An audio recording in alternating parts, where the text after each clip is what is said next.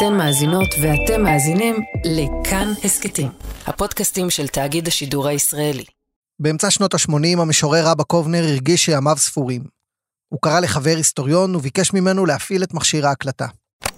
26 באוקטובר 84, המראיין אריה שריד. עליי לעשות איתך עסקה. מה שאני הולך לומר עכשיו זה עדיין חסוי. במשך עשרות שנים סירב קובנר לקבל עליו את האחריות למה שתכנן לעשות מיד אחרי השואה. להביא דין על עם ומדינה שאחראים לשואה.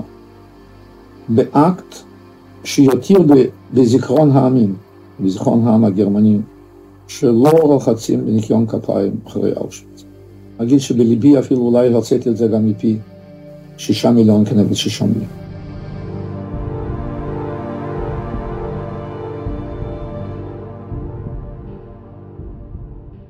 שישה מיליון, כלומר שישה מיליון גרמנים שקובנר תכנן להרוג כנקמה על ששת המיליונים.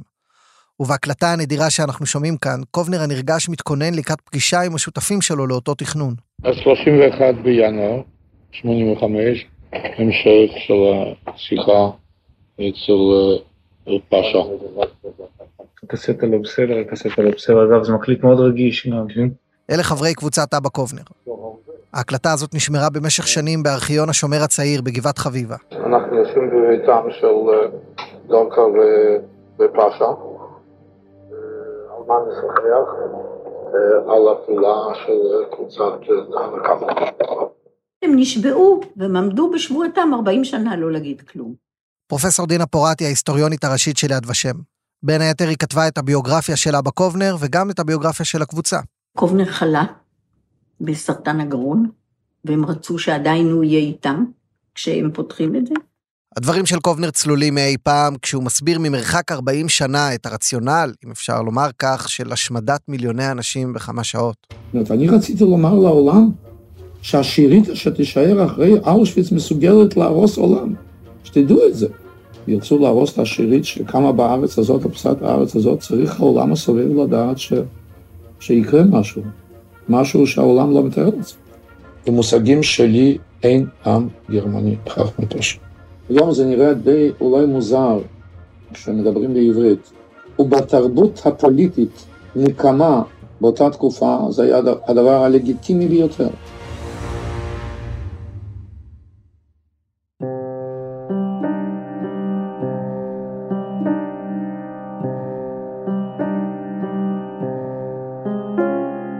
שלום לכם, אני עקיבא נוביק ואתם מאזינים ללך תזכור, הסכת שמדבר על השואה מהרגע שבו היא הסתיימה. מכירים את הסרט ממזרים חסרי כבוד? ברד פיט מפקד שם על כנופיית לוחמים יהודים שנוקמת בנאצים ביערות. זה אומנם סרט בדיוני שמתאר מציאות חלופית, אבל בגדול הרבה קווים בעלילה הזאת מבוססים על אירועים שהתרחשו במציאות. רק שהתכנונים הגיעו למחוזות שאפילו טרנטינו לא חשב לכתוב עליהם. ואם הוא היה כותב את זה, היו אומרים עליו שהוא מופרע מדי.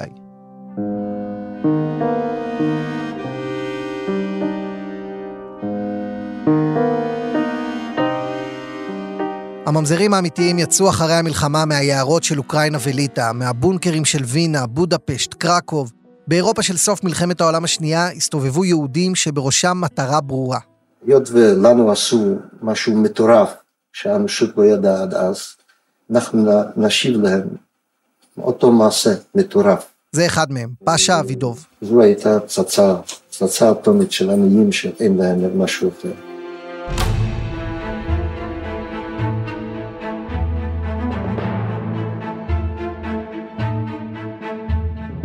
זה לא היה רגש ייחודי ליהודים. בבוקר שאחרי מלחמת העולם השנייה, כל אירופה הייתה שטופה בתאוות נקם אדירה.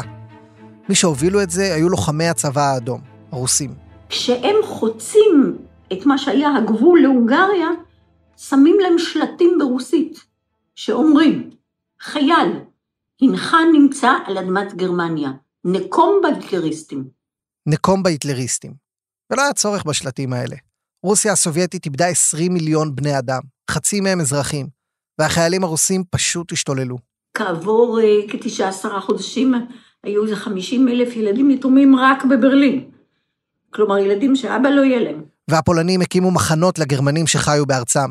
ובצ'כיה בנו מחנות לגרמנים, שהשער שלהם נראה מבחוץ כמו השער של אושוויץ. אבל להם עוד הייתה מדינה.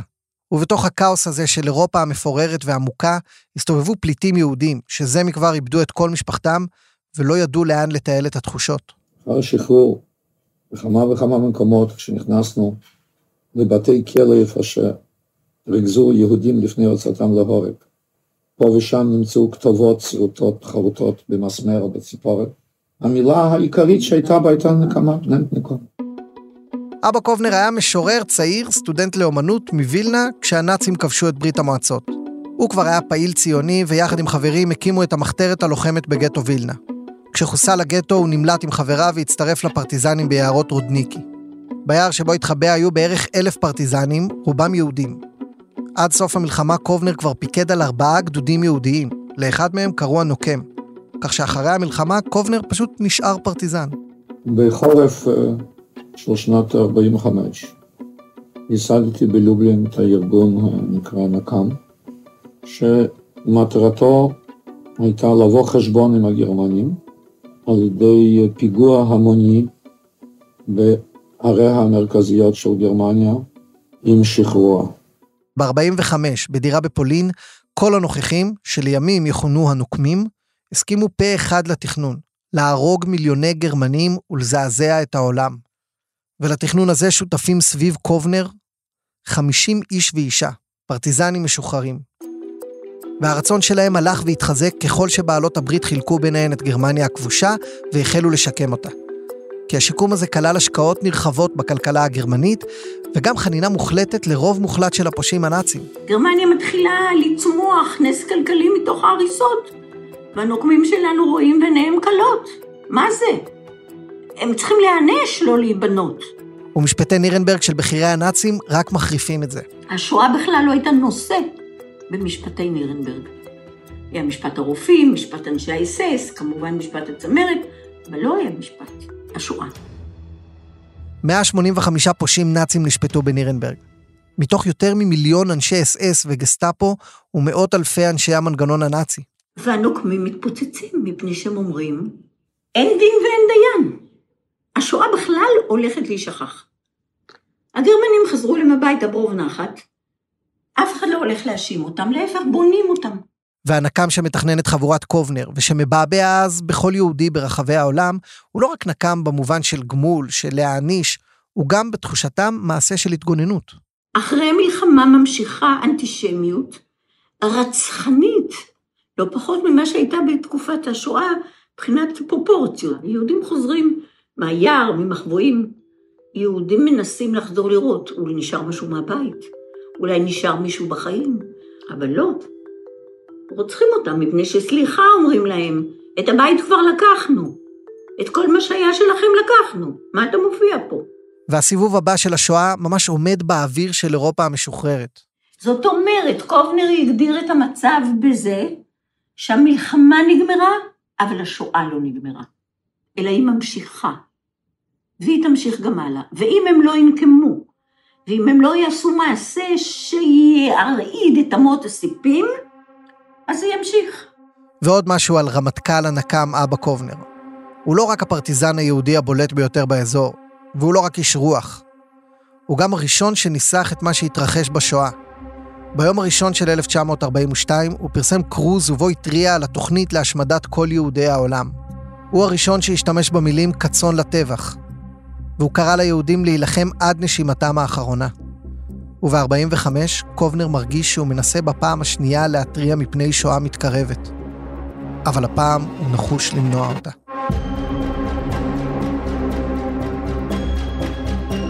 אל תחפש רציונל, תחפש רק תאוות נקם, הייתי אומר, קיצונית ועזה מאוד. מיכאל בר זוהר כתב את הספר הנוקמים. הם רצו לנקום ממש נקמת דם. שואה תמורת שואה. כן, ממש. זו הייתה השבועה, לחסל שישה מיליון גרמנים. זה ההישג שהם חולמים עליו. והדרך היא להכניס רעל למי השתייה של הערים הגדולות ביותר בגרמניה. כלומר, להוציא להורג ביום אחד את מספר האנשים שהנאצים רצחו במשך שש שנים. העובדה שבערים האלה גרים גם זקנים, גם נשים, גם ילדים, לא עיכבה אותם הערים הראשונות שסומנו היו ברלין, מינכן, המבורג, פרנקפורט ונירנברג. לכל התושבים שם הוצא גזר דין מוות. אנחנו צריכים ל- ללכת בכפפות. אין לנו יכולת אחרת מה ללכת לקנות מקלעים ומה לראות ברחובות. יולק חרמץ יועד להיות מפקד קבוצת נירנברג. קיבלנו את כל התוכנית התת-קרקעית של מערכת המים, וידענו בדיוק איפה לנתק במקרה ואנחנו מבצעים את מה שרצינו לבצע. ובדרך להגשמת התוכנית, קובנר וחבורתו יוצאים ביולי 45 מבוקרשט לאיטליה כדי לפגוש את הבריגדה היהודית. הבריגדה נופלת על צוואריהם. אלה היהודים שחיכינו להם, פרטיזנים, לוחמי גטאות. הבריגדה היא חטיבה בצבא הבריטי המורכבת בעיקר מאנשי הגנה. לרובם הייתה משפחה באירופה. הם התגייסו רגע לפני סוף המלחמה כדי להילחם בנאצים, כדי לנקום את נקמת העם שלהם. כל המתגייסים לבריגדה קיבלו מסמך עקרונות, שבו בין היתר נכתב זכור את המיליונים ושמור על השנאה לדורות. לא פלא שהם שמחו לפגוש את חבורת קובנר. הבריגדה מדליפה את זה ארצה, שיש קבוצה כזאת, שיש רצון כזה, שבראשם עומדת אישיות כמו אבא קובנר. ואבא קובנר צריך בנקודה הזאת בעיקר דבר אחד. רעל, נטול ריח ונטול טעם, בכמות שמסוגלת לקטול ערים שלמות.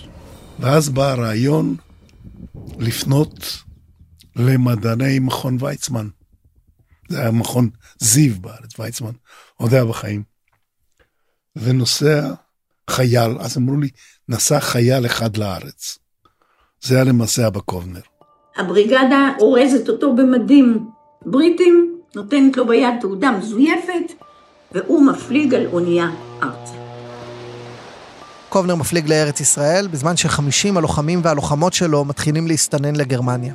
מתפזרים בקבוצות ומתחילים לבדוק איך להגיע למערכות המים, שבשעה שיגיע הרעל, הם יהיו מוכנים. וכשקובנר מגיע ארצה הוא מגלה די מהר שאיש לא מוכן לשמוע על הרעלה המונית שכזאת. אבל הוא לא מתרגש. הוא מתחיל לדבר על תוכניות נקמה קטנות יותר, נקודתיות יותר. לא התוכנית שהחברים באירופה מתכוננים לקראתה. והכריזמה האדירה של קובנר, בייחוד כשהוא מספר מה היה בשואה, מהלכת קסם על מי שפוגשים אותו. מי שנותן לו, אלה האחים קציר, אפרים ואהרון קציר. אפרים קציר עוד יהיה הנשיא הרביעי של מדינת ישראל, אבל בשלב הזה הוא אפרים קצ'לסקי, סטודנט בן 30 באוניברסיטה העברית בהר הצופים שבירושלים. הוא מדבר עם אחראי הרעלים שבאוניברסיטה, שבמקרה היה איש הגנה, ומשיג ממנו קוקטייל רעלים. בשלב הזה הם לא יודעים מה בדיוק יעשה קובנר עם הרעל, אבל הם סומכים עליו ועל דיבורי הנקמה שלו. וקציר מסכים איתו לחלוטין, ומספק לו שני קיטבגים מלאי רעל. אני נסעתי כשבקיטבג שלי היו 20 קופסאות עם, עם, עם רעל שיכול היה לקטול חצי אירופה. קובנר מקבל שוב מדים בריטיים ותעודה של חייל בריגדה אמיתי, בשם בנימין בית הלחמי מרמת גן. הוא עולה על האונייה הבריטית שמפוליון מקהיר לצרפת עם כחמשת אלפים חיילים, כשבאירופה ממתינים לו הבחורים והבחורות בכיליון עיניים.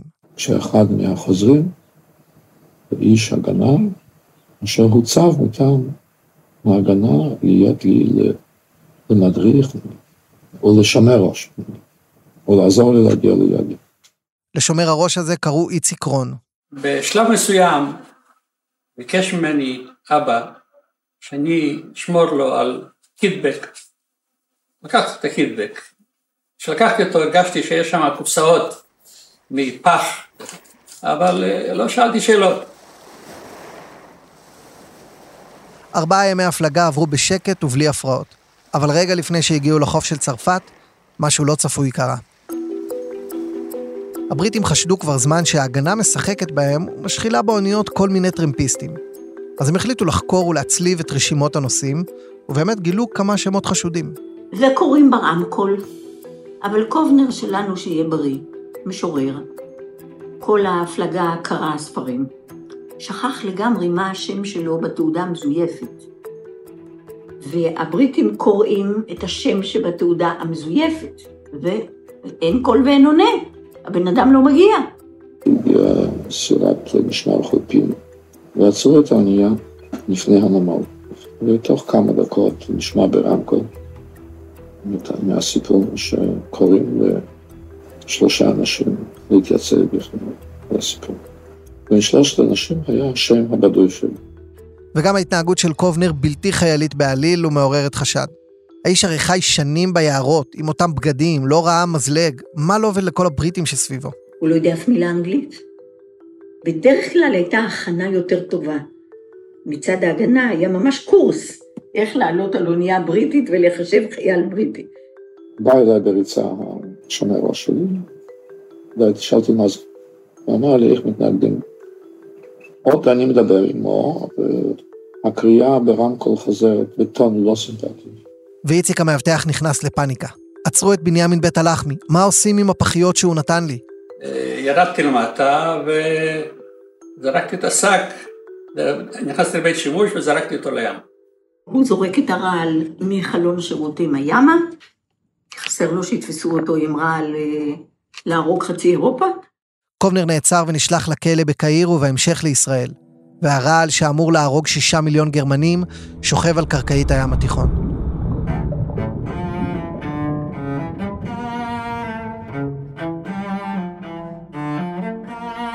מיכאל בר זוהר משוכנע עד היום שהרעל לא נזרק בטעות. אז התחיל לכרסם בו, לדעתי, אני לא פסיכולוג, אבל לדעתי אז זה התחיל לכרסם בו התפיסה שהי, מה אנחנו הולכים לעשות? מה אנחנו הולכים לעשות? אני חושב שפה, בלי להגיד שום דבר, הם, כל אחד הבין שאנחנו לא יכולים לעשות דבר כזה. ולדעתי, הם כולם הגיעו למסקנה שדבר כזה אסור לעשות. כך או כך, בינתיים הנוקמים באירופה הצליחו להסתנן לתאגידי המים. אחד מהם אפילו הגיע להיות אחראי של כל מערכת המים בנירנברג. והם כבר למדו מהן השכונות שבהן גרים רק גרמנים ושאפשר להרעיל שם בלי חשש. הם מוכנים. אבל אז מגיעה הבשורה, שקובנר נאסר והרעל על קרקעית אה, הים התיכון. מה עושים? מה עושים? מחכים להוראות.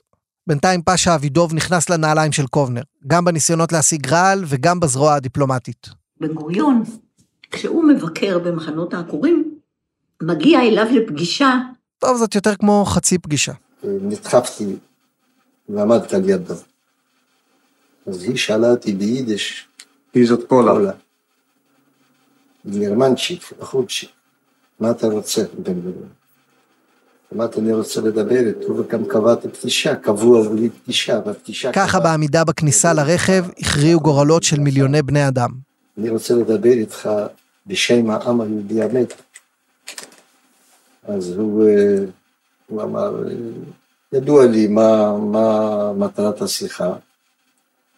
אני יכול להגיד לך שאם היינו יכולים מאה אלף אה, גרמנים מאה אלף יהודים, זו הייתה המלחמה.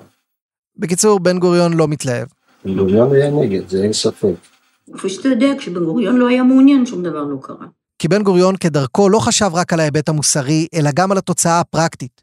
השנה כבר הייתה 46, ובן גוריון חושב איך מהלך כזה ישפיע על ההצבעה שהוא חולם עליה בעצרת האומות המאוחדות. אתה לא יכול להרוג שישה מיליון גרמנים מתחת לאף של האנגלים, ואחר כך לבוא לבקש מהם שיתמכו לך במדינה.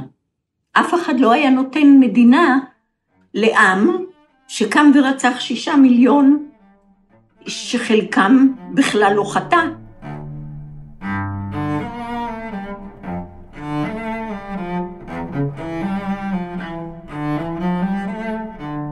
יום אחד, לא ברור בדיוק מתי, מגיע לגרמניה מכתב שאבא קובנר שלח מישראל, והוא מורה בו להקפיא לזמן לא מוגבל את תוכנית ששת המיליונים.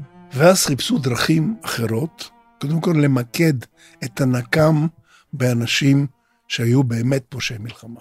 כבר לא נקם כללי, אלא למקד אותו באנשים שהם פושעים, שהם ביצעו במו ידיהם או תמכו במו נוכחותם בשואה. הם קראו לה תוכנית ב', לחסל פושעים נאצים על אדמת גרמניה. לא אחד ולא מאה. עשרת אלפים לפחות. ואז מתחילים להתמקד במחנות השבויים של אס-אס. גרמניה הייתה אז מלאה מחנות שבויים. את אנשי האס-אס היה קל לגלות. הנאצים קעקעו את סוג הדם שלהם מתחת לבית השחי, כדי שאפשר יהיה לדעת מהו בשדה הקרב. המעשה הזה עזר לימים לבעלות הברית ללכוד אותם. כל מי שנתפס והיה לו קעקוע, או צלקת המעידה שהוא ניסה למחוק את הקעקוע, נשלח למחנות. לפעמים אלה היו אותם המחנות שפעם הם כלו בהם יהודים. והנוקמים מגיעים אל אותם מחנות ומתחילים לנסות ולהתקבל לעבודה בהם. ולייבקה דיסטל אפילו מגיע לראיון עבודה ומספר שהוא ניצול שואה. שפשוט חולם להיות אופה כי לדוד שלו יש מאפייה בקנדה. ולא תאמינו, אבל זה עבד. והוא התקבל למאפייה של מחנה לנגווסר ליד נירנברג.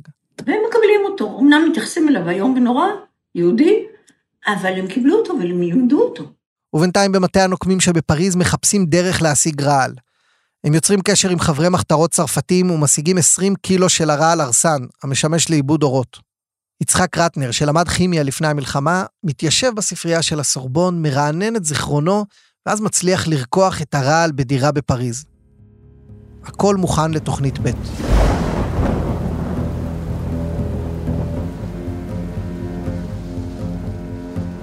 בליל 13 באפריל 46, יומיים לפני ליל הסדר של אותה שנה, יצאה לפועל תוכנית הנקמה. זה היה ליל סערה נורא עם גשם ורוחות, סופת אימים. הרעל מגיע, מגיע עם ג'יפ של המחלקה הגרמנית, מפריז, הוא מגיע לנירנברג והוא גם בדרך לדכאו.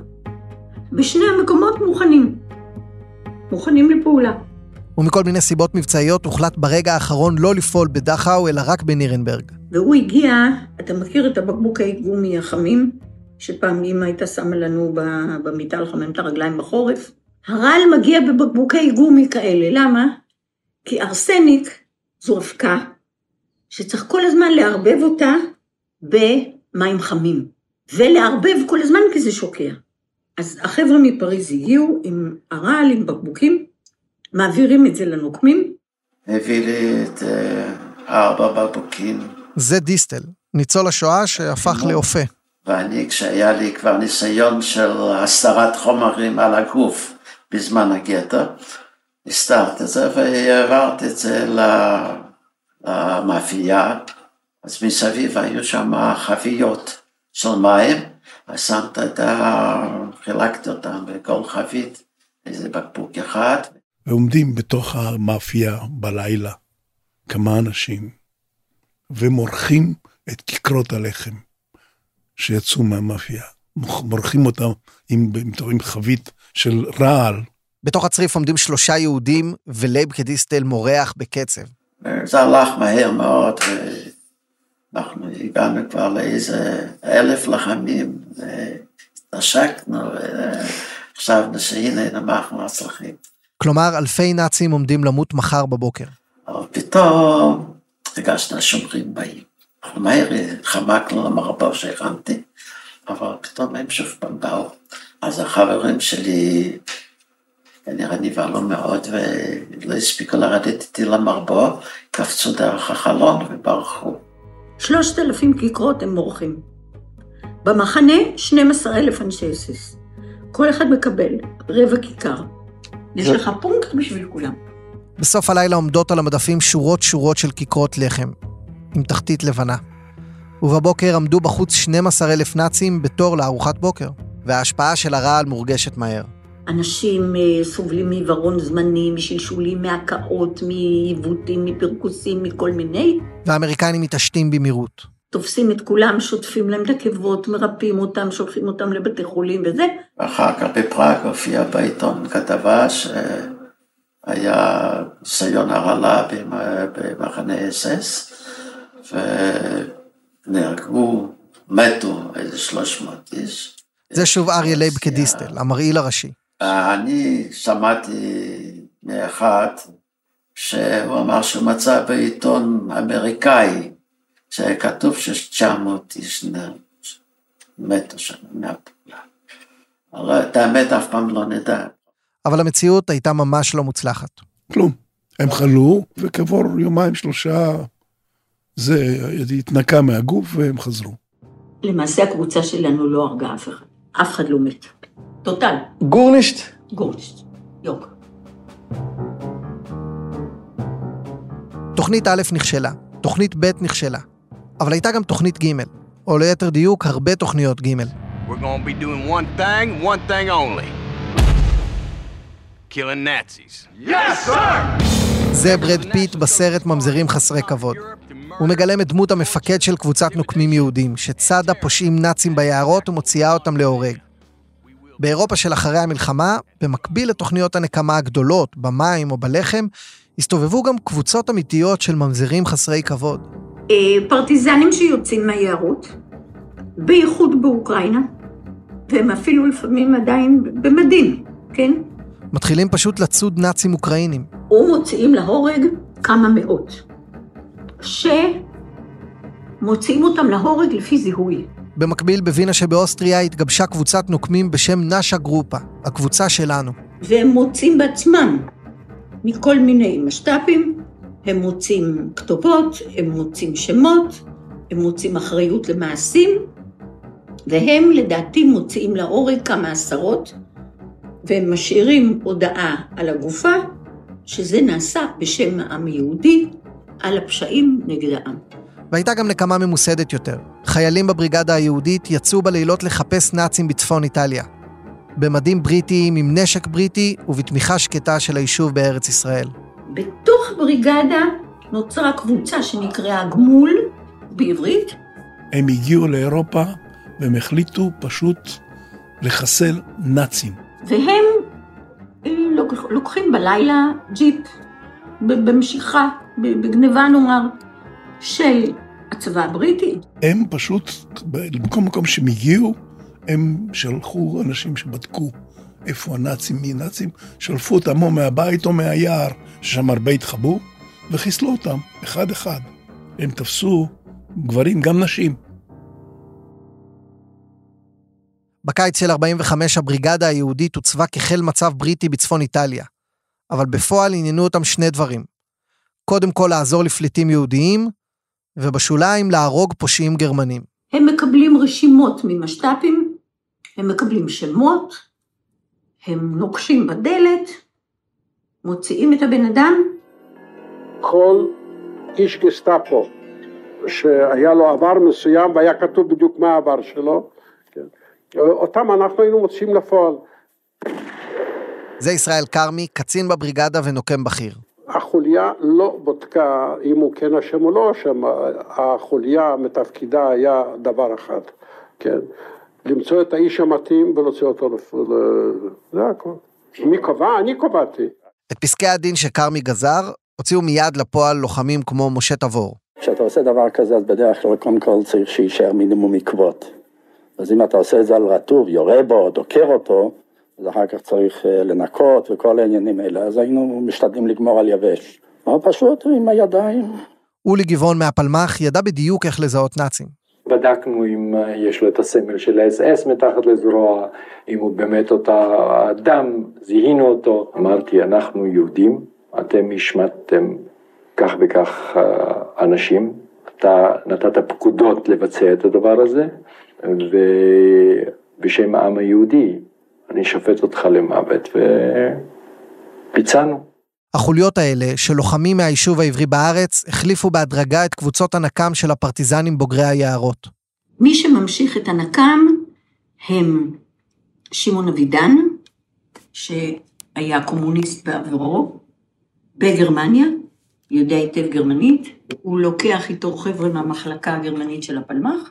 המחלקה הגרמנית הייתה רעיון של הפלמ"ח, ושל ההגנה באותו זמן, להקים בארץ מחלקה שתוכל להתחזות למחלקה או פלוגה גרמנית. זאת בעצם חוליית מסתערבים. הרי היו בארץ הרבה יהודים שעלו מגרמניה, ואימנו אותם להתנהג בדיוק כמו לוחמי ורמאכט. למפקד שלהם קראו זיגברט קוך, שזה בעברית שמעון אבידן. ולקחו יקס, לקחו גרמנים צעירים שהגיעו מגרמניה, שדיברו גרמנית, ששרו שירים גרמניים, שהכירו את הנהלים והנוהגים של גרמניה, הלבישו אותם במדים גרמניים, והם פשוט התאמנו לצעוד ולהילחם ולשיר, כולל שירי המלחמה של הצבא הגרמני, של הוורמאכט. ואחרי כישלון הרעלת המים והרעלת הלחם, אבידן לקח פיקוד על התיק של להרוג נאצים באירופה. כמה נאצים הם הרגו? באיזו דרך? עד היום זאת תעלומה. עוד לא נולד הבן אדם שיוציא משמעון אבידן מילה שהוא לא רוצה להגיד, שום דבר לא עזר לי. אבל זה מזכיר מאוד את מה שאלדו ריין עשה בממזרים חסרי כבוד. אבידן הוא בעצם ברד פיט. אם אתה רוצה להעביר, להעביר אותו לשם, בהחלט הוא היה מאוד שמח לשמוע על, ה, על הזיהוי הזה. גם שמעון אבידן נראה טוב. שמעון בעצם היה מסופח ללוחמי הבריגדה שהסתובבו ביערות והרגו נאצים. חלק בחניקה, חלק בירייה, חלק בסכין. היו מקרים שהשאירו פתק. והיו מקרים לא. מה בפתק? נקמת העם היהודי. וגולת הכותרת של התקופה ההיא אמורה הייתה להיות פיגוע ראווה שאומנם לא יהרגו בו הרבה אנשים, אבל הוא בהחלט יותיר חותם. כי במקביל לכל התוכניות האלה, התנהל בעיר נירנברג משפטם של 21 הפושעים הנאצים הבכירים ביותר שנתפסו. התכנון היה לפרוץ לכלא או לבית המשפט ולחסל שם באמת את, את כל הצמרת הנאצית. הם מחליטים לזרוק רימון באולם. והם מתיידדים עם חיילים יהודים ששומרים על בית המשפט בנירנברג. והם אומרים, אנחנו רק מבקשים לבוא לשמוע. אבל אז כשהם התחילו לאסוף מודיעין, התברר להם שהשמירה היא מאוד מאוד אדוקה ומאוד יעילה, ואין להם שום סיכוי.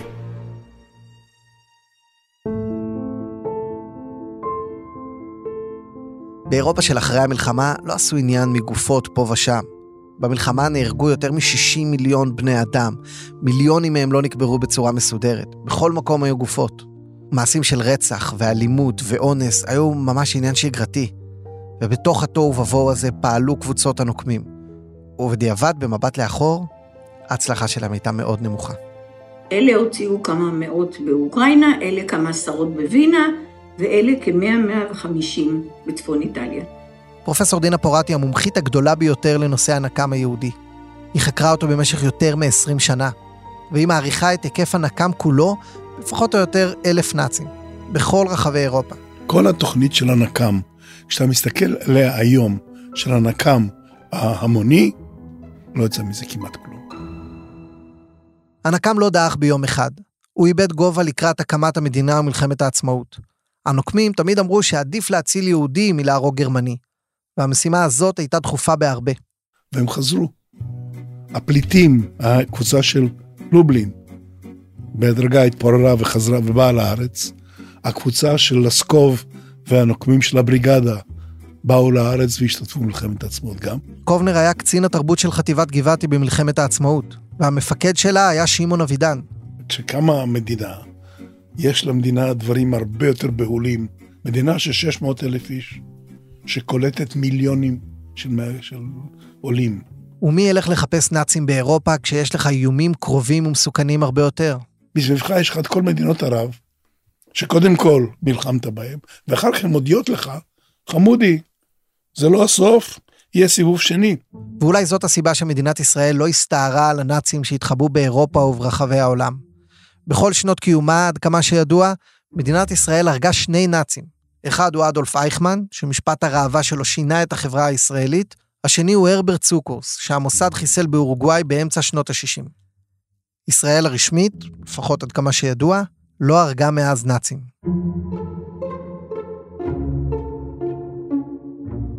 כשדינה פורט כתבה את הספר שלה, לי נקם ושילם, היא הרגישה שתוך כדי התהליך והתחקיר, משהו קורה.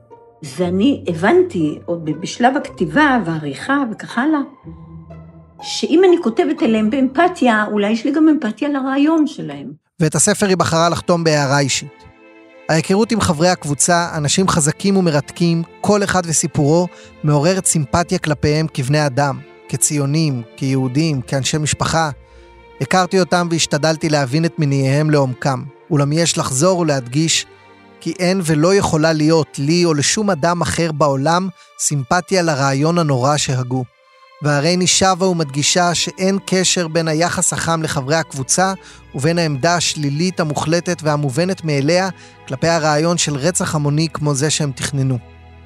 את דעתי זו הבעתי באוזניהם לא פעם ולא פעמיים, למורת רוחם של מי מהם שדבקים ברעיון עד היום. אנחנו ממש היינו חברים. אני הלכתי לכל ההלוויות שלהם. כשכתבתי על קובנר, 34 עוד היו בחיים. אני הלכתי לכל ההלוויות, ואני הספדתי את כולם. אבל אני לא מסכימה עם הרעיון, והייתי צריכה לעשות את ההבחנה הזאת. יש מוטיב שחוזר בכל הפרקים של ההסכת הזה, לך תזכור. כל המרואיינים בעצם אומרים אותו דבר. אי אפשר להבין אם לא הייתם שם. וזה נכון שבעתיים בפרק הזה של תוכניות הנקם. אי אפשר להבין את המציאות של אירופה המרוסקת ב-1945, של אנרכיה אמיתית, של עולם שלם בפוסט-טראומה, ושל ניצולי שואה בני 20 שבטוחים שתכף מתחילה עוד שואה. של מי שנפרדו מהאנשים הכי קרובים להם, והמילים האחרונות ששמעו מהם היו תנקמו את מותנו. הנקם ליווה את המתכננים כל חייהם. במפגש ההוא בינואר 85, הם כבר לא דיברו עליו בקול אחד. חלקם בירכו על ההחלטה לגנוז את התוכנית. הם אמרו שלא היו מסוגלים להביט לילדים שלהם בעיניים אילו הייתה מתממשת. וחלקם סחבו איתם את תחושת ההחמצה עד יום מותם. אבל יש סיבה לכך שיצר הנקם שבער בהם כל כך בשנות ה-40 הלך ודעך. הוא פשוט התחלף בנקמה מסוג אחר.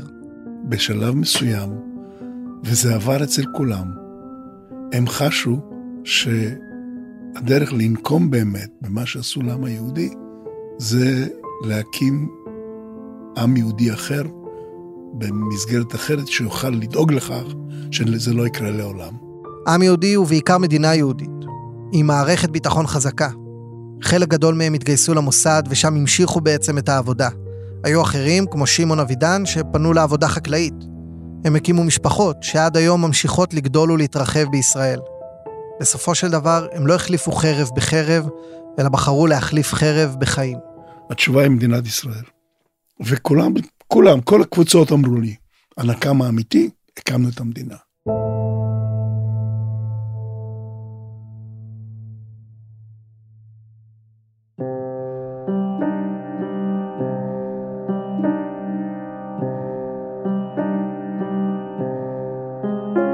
האזנתם ללך תזכור, עורך ההסכת ניר גורלי. עיצוב קול ומיקס רחל רפאלי. בצוות ההסכת העורכת דניאל מאורר והתחקירן אלון קליין ישר. ייעוץ לשוני אלקנה ארליך. תודה לארכיון השומר הצעיר יד יערי, לארכיון אישי אבא קובנר, לדודו אמיתי וענבל כהן. תודה לארכיון בית לוחמי הגטאות, לנועם רחמילביץ' ויגאל כהן. תודה לאנשי ארכיון כאן, לשעבר רשות השידור, ולבילי סגל על כל הסיוע. במסגרת פרויקט הדיגיטציה של ארכיון רשות השידור, שנעשה כיום בתאגיד, נחשפים לראשונה חומרי גלם של ראיונות עם נוקמים, ובהם השתמשנו. מדובר בראיונות שנערכו בעבור הסדרה התיעודית הנוקמים, ששודרה בערוץ הראשון ב-1996. יצרו אותה ירין קימור, בני אורי והמפיקה דורית סטריק. תודה גם ליד ושם, לדנה ויילר פולק, ותודה לאורי מייזלמן.